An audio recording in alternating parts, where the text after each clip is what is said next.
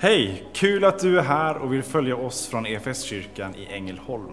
Du kommer nu att få se eller höra en predikan från en av våra gudstjänster. Har du några frågor eller vill veta mer om oss som kyrka så kan du alltid gå in på www.efskyrkan.info. Vill du ha tillgång till mer undervisning eller ta del av våra inspelade konferenser eller gudstjänster gå gärna in på vår Play-kanal, efskyrkan.tv. Nu ska vi lyssna på denna veckas predikan. Känns bra att stå här. Ska bara, jag tänkte att det säger att det är lite barn ändå. Det var ju ingen söndagsskola, men ni som är barn och har barn med er, kom gärna fram. Tänkte då kör vi lite söndagsskola här framme idag istället. Eh, så gör gärna det. Och medan ni gör det eh, så kan jag säga lite kort vem jag är. Ja, jag heter Joel och som ni hörde så om ni inte visste det innan så jobbar jag till vardags i Lerberget eh, i Kulla pastorat. Jag är gift med Miriam, en fantastisk människa och har tre underbara barn. Två av dem sitter här och stöttar mig här idag. Ehm, ja, och så har vi ju en liten hund nu också. Eh, en liten hund som heter Rio. Och jag satt här nere och tänkte att, eller jag har märkt att jag har fått en liten annan doft eh, här på de senaste dagarna. Så är det, luktar lite hund, härligt. Ehm, Ja, men vi bor i Kvidinge och brukar vara i den här församlingen när vi kan, helt enkelt. Vi gillar den här församlingen. Nu mina vänner ska jag ta och läsa en bibeltext för er. Eh, och den kommer upp bakom mig också från andra Korintierbrevet kapitel 12. Och det är alltså Paulus som skriver detta. Om jag skulle vilja skryta är jag ändå inte från förståndet, för vad jag då skulle säga är sant. Men jag avstår för att ingen ska tänka högre om mig än han gör när han ser eller hör mig. Och för de väldiga uppenbarelsernas skull, för att jag inte ska bli högfärdig, har jag fått en tagg som sticker mig, en ängel från Satan som misshandlar mig så att jag inte blir högfärdig. Tre gånger har jag bett Herren att den ska lämna mig i fred, men han svarade, min nåd är allt du behöver Ja, i svagheten blir kraften störst. Därför vill jag helst skryta med min svaghet, så att Kristi kraft kan omsluta mig. Vi ber tillsammans. Tack Herre för alla tillfällen vi får träffas tillsammans inför ditt ansikte på det här sättet. Även om vi är hemma och följer gudstjänsten live eller om vi får vara här i kyrkosalen tillsammans. Herre, tack för ditt ord som är levande och verksamt. Och nu ber vi att du ska öppna ditt ord för våra hjärtan. Och öppna våra hjärtan så att vi får bli mottagliga, Herre, för vad du vill säga oss. Var och en. Du känner oss, du vet var vi kommer ifrån, hur våra nyårs och julhelger har varit. Vi ber att du ska möta oss, Herre, på ett sätt som vi behöver och som de vi är. I Jesu namn. Amen. Jag tog med mig ritblocket idag. För jag skulle vilja berätta om en kille som heter Jonathan. Det här, mina vänner, är Jonathan.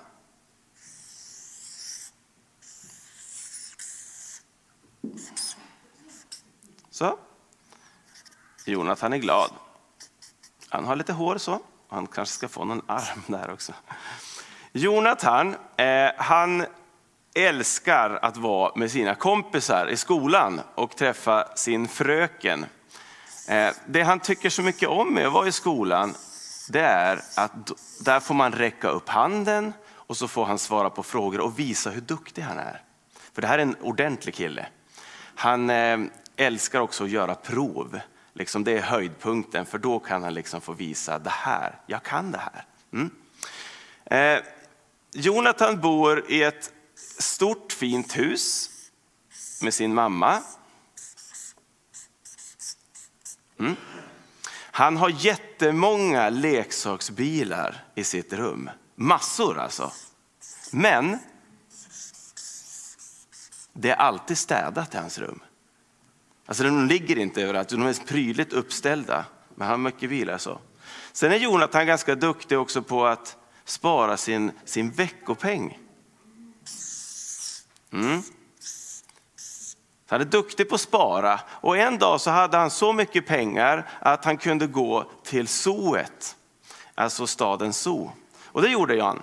Han gick och tittade på elefanterna, han tittade på björnarna, vargarna, ormarna, fåglarna och alla som fanns där. Och när han kände sig nöjd, då gick Jonathan hem. Och medan han gick hem så upptäckte han att det var någon som förföljde honom. Och när han tittade tillbaka vad det var, då såg han den här ska du få se. Här ska du få se. Kolla vad det var. Ser du vad det var som förföljde honom? En elefant ja, en jättestor elefant. Han vände sig om och sa till elefanten, men du kan väl inte följa efter mig? Det går ju inte. Du får inte plats hemma hos mig. Nej, du måste gå hem igen, sa han. Men elefanten han bara skakade på huvudet så här. Tänker inte jag göra, tänkte han. Och så gick han hem, Jonathan, och elefanten följde med. Och när han kom hem, då sa hans mamma, Jonathan, den där måste du lämna tillbaks. Den får inte plats här. Så Jonathan han, han blev bekymrad.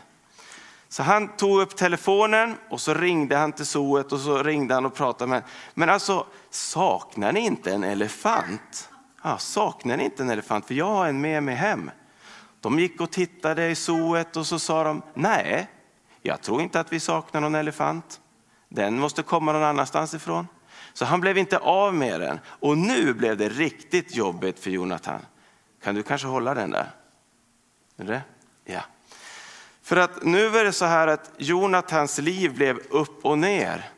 Han fick inte sova på nätterna för att då blåste eh, elefanten honom i örat med trumpeten. Liksom. Han tappade matlusten för elefanten tittar ju på honom hela tiden. Eh, och han, den var så stor så den skymde i fönstren så han kunde inte titta ut. Men det värsta av allt var, tyckte Jonathan, att nu kunde han inte vara i skolan som förut. Han fick inte visa liksom hur duktig han var för att alla var bara intresserade av hans elefant. Så en dag efter ett tag så då blev Jonathan, ja men han, han tänkte så här, nej nu går jag tillbaks till zooet. Och när han gjorde det så då klart, då följde ju elefanten med. Och då visade det sig att de saknade ju en elefant. Så de var ju glada att han kom tillbaks med den. Åh, äntligen tänkte Jonathan, nu är mitt liv perfekt igen. Nu ska jag gå tillbaks till det gamla och få, få ha det så här gött. Så Jonathan gick hem från zooet, fri från elefanten. Men när han gick där tillbaks hem upptäckte han att det var någon som förföljde honom. Ja, igen, vill du hjälpa mig? Kom. Ska vi se vem det var som förföljde honom? Ska vi titta tillsammans? Om du tar i här. Om du tar i här. Så tar du i här. Kom. Vem var det? En giraff var det. Ska vi flytta ner den till er där så kan ni klappa den? kan vi göra. Och hur tror ni att det var då? Hur tror ni att det gick? Att han kom hem till sin mamma med en giraff. Oh, det kan ju inte ha varit lätt. Ja, den är ju alldeles för stor för att ha hemma i sängen. En liten hund kan gå bra, men en, en, en giraff Ja, då kanske ni sitter här och undrar nu varför jag berättar den här berättelsen idag. Jo, jag ska komma till det nu. Att vara kristen, mina vänner, innebär inte att vi slipper brottas. Att vara kristen innebär inte att vi slipper brottas med livets elefanter och giraffer. Det finns inga sådana garantier. Om vi tar mig till exempel, så har jag ett ont högerknä. Eh, för grund av att jag spelat mycket fotboll och så. Och vart jag än går så följer det här knäet med. Jag blir liksom inte av med det. Jag har en bror som eh, har dyslexi. Vart han än går så följer den här dyslexin med honom. Han blir påmind om den varje dag.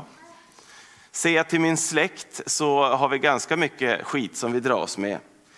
Allergier, eksem, diabetes, gluten, laktos, eh, vi har eh, epilepsi, färgblindhet med mera, med mera. Hur ser det ut i ditt liv? Hur ser det ut i din släkt? Vad dras ni med? Vad dras du med? Livets elefanter och giraffer kan stå för olika saker.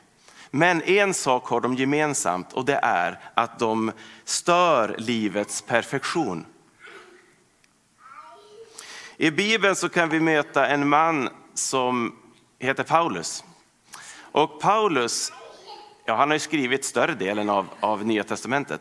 Eh, men det som jag tycker är intressant med honom var att han hade en elefant som förföljde honom. Han hade en elefant. Och det här elefanten, det här problemet som han brottades med var så jobbigt för honom så att han bad Gud tre gånger om att sända hem elefanten till zooet. Men varje gång han bad Gud om detta problem så svarade Gud honom på samma sätt. Gud sa, min nåd Paulus är allt du behöver.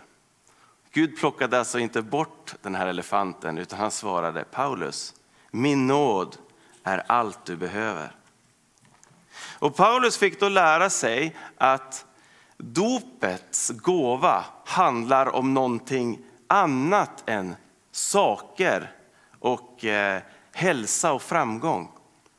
Därför att allt i livet som vi får, det kan tas ifrån oss.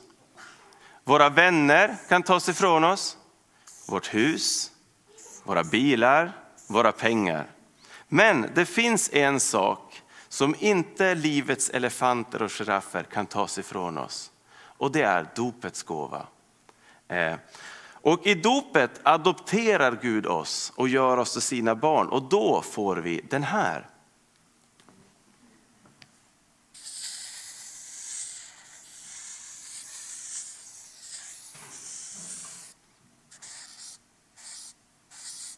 Jag vet inte om ni ser det, men det, ja, jag har inte en femma i bild, men det, det är en hand i alla fall. Okay. Vi får den här. Den här handen, mina vänner, den är alltid under oss. Alltid under oss. Och den bär oss genom hela vårt liv, men också genom döden. Och Jesus säger, och ingen ska rycka dem ur min hand, säger Jesus. Ingen ska rycka dem ur min hand. Så dopets gåva handlar alltså inte om att ha rätten att få hälsa, att få framgång, att få materiella saker. Utan det handlar om någonting mycket större. Den som tog emot honom, Jesus Kristus, ger Gud rätten att bli ett Guds barn åt alla dem som tror på hans namn. I det här livet så behöver vi som kristna tyvärr brottas med en del elefanter och giraffer. Värst är det när man känner att hela djurparken är efter en. Det kan finnas sådana tillfällen också. Men som kristna behöver vi inte möta dem ensamma.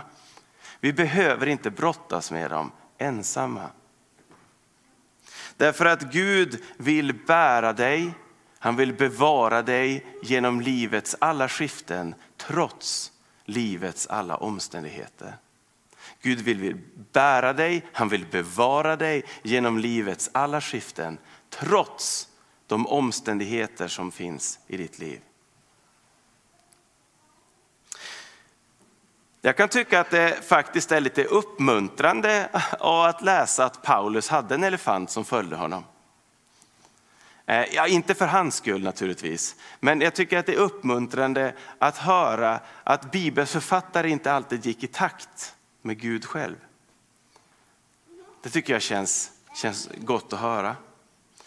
Sen vad Paulus liksom problem var för någonting, den här taggen i sidan som han säger, det, det, det, får vi aldrig veta. Och varför han inte skriver om det, det vet jag inte. Han kanske tyckte det var för, för skämmigt. Eller det var för jobbigt att prata om. Jag vet inte. Men att han inte skriver vad det är har ju gjort att teologer och eh, eh, såna här eh, forskare har ju funderat rätt mycket till vad det kan vara. Och jag kan tycka att det är intressant att ta del av de teorierna. Därför att det gör Paulus ännu mer mänsklig. Så jag vill, jag vill att vi stannar upp inför några av de här teorierna. En del teologer tror att den här taggen i sidan, det var frestelser. Alltså lustar, sexuell frestelse som Paulus brottades med. Ehm, han var ju trots allt ungkarl.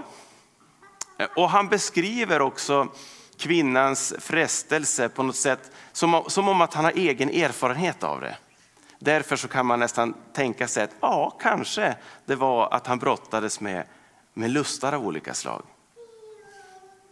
Andra tror inte att det handlar om frestelse utan att istället handlar det om, om fiender. Alltså ett motstånd av något slag. Och Paulus hade ju många motståndare. Eh, han kallar ju också den här eh, taggen en ängel från, en ängel från Satan, säger, skriver han ju. Och ordet Satan betyder ju fiende. Det, Paulus hade ju motståndare som bland annat ifrågasatte honom. Eh, ifrågasatte hans, att han var apostel, hans auktoritet. Eh, de som undergrävde och motarbetade eh, hans eh, liksom uppdrag att, att sprida evangeliet. Det var ju jättemånga sådana. Paulus hade också en vän med sig på sina resor som, som hette Lukas. Eh, Lukas läkaren som också skrev Lukas evangeliet och apostlagärningarna. Och jag tänker att det måste vara skönt för Paulus att ha haft med sig den här läkaren på sina resor. För att han var ju med och fick mycket stryk. Vi kan läsa att han blev misshandlad, stenad, han eh, var med om piskrapp, skeppsbrott, rövare med mer. Så vi kan inte, tänker jag, klandra honom om det var så att han någon gång ibland ville ge upp Paulus. Han var med om mycket. Det finns en tredje, det kanske finns fler också teorier, men det finns en till som jag skulle vilja nämna här idag. Och det är att det finns teologer som menar, nej det är nog inte frestelser, det är inte motstånd, utan det här taggen i sidan, den handlar förmodligen om hans ögon. Om Paulus syn. I slutet av Galatsebrevet så skriver Paulus bland annat så här. Se här med vilka stora bokstäver jag skriver till er med egen hand. Så Paulus hade ju förmodligen någon annan som skrev åt honom och så diktade han. Men på slutet tog han pennan själv och så skrev han. Kan man undra varför skrev han med så stora bokstäver? Kanske var det så att Paulus hade dålig syn. Eh, vi vet ju, om vi kan hans historia, att han blev ju av med synen på Damaskusvägen när han träffade Herren i ett ljussken. Han var blind i tre dagar tills några kristna kom och bad för honom och han fick tillbaka synen igen. Frågan är, fick han tillbaka synen fullt ut? Det vet vi inte. Kanske fick han det, men att han senare började få skrumplig syn och liksom fick dålig syn. Vi vet ju att när Jesus väckte upp Lazarus så dog han ju sen igen. Eller hur? Eh, så det kan ju möjligt vara så. Om det är så, om vi leker med tanken att det var Paulus syn som var problemet, så, så måste det vara ett ganska stora problem för honom. Liksom att resa på, på vägarna med dålig syn kunde säkert vara farligt. Eh, men inte bara det, om man håller på och jobbar och skriver och läser, så ansträngda ögon kan ju ge huvudvärk. Det vet jag i alla fall, som har glasögon. Och på den tiden fanns det ju inga Alvedon, vad jag vet. Eh, I Galaterbrevet kan vi, också kan vi också läsa att han skriver jag kan intyga att ni gärna skulle ha rivit ut era ögon och gett dem åt mig. Kan det vara så att Paulus hade problem med ögonen? Oavsett vad det var kan man ändå undra så här, men hade det inte varit bättre då om Gud hade plockat bort den här taggen, det här problemet som han brottades med? Som han ändå liksom hade bett flera gånger om att Gud skulle plocka bort. Hade inte Paulus blivit en bättre apostel då? Ja, kanske. Eller kanske inte. Vi kan ju faktiskt vända på det också. Om Gud hade tagit bort taggen, då hade Paulus kanske aldrig tagit till sig Guds nåd. Om Gud hade plockat bort taggen kanske Paulus aldrig hade tagit till sig Guds nåd. Det är ju bara den som är hungrig som uppskattar en måltid, eller hur? Och Paulus han var inte bara hungrig efter Guds nåd, han var utsvulten. Paulus var utsvulten. Hur ser det ut i ditt liv? Hur ser det ut i mitt liv? Är du hungrig? Är du hungrig efter Guds nåd? Behöver du Guds nåd?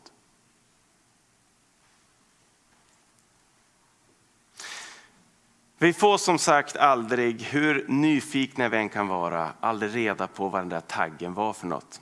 Kanske en gång i himlen kan vi fråga honom själv. Men vi vet att taggen fanns där. Vi vet att han brottades med det här, med något. Och vi vet att den lärde Paulus förstå vad Guds nåd var. Vi vet att den lärde Paulus att förstå vad dopets gåva är för något. Och dopets gåva handlar inte om pengar, ägodelar eller framgång, utan det handlar om något mycket större. Åt alla dem som tar emot Jesus Kristus så ger Gud oss rätten att få bli ett, ett Guds barn. Och som Guds barn så slipper vi brottas med de här elefanterna och girafferna på egen hand. Både att vi har Herren som bär oss, men också vi har församlingen, ett större sammanhang, en kropp som vi är en del av. Och du och jag, vi får alltså vara i den här handen. En hand som vill bära dig, som vill bevara dig i livets alla skiften, trots livets alla omständigheter. Det är fantastiskt mina vänner att få vara kristen. Ska vi be?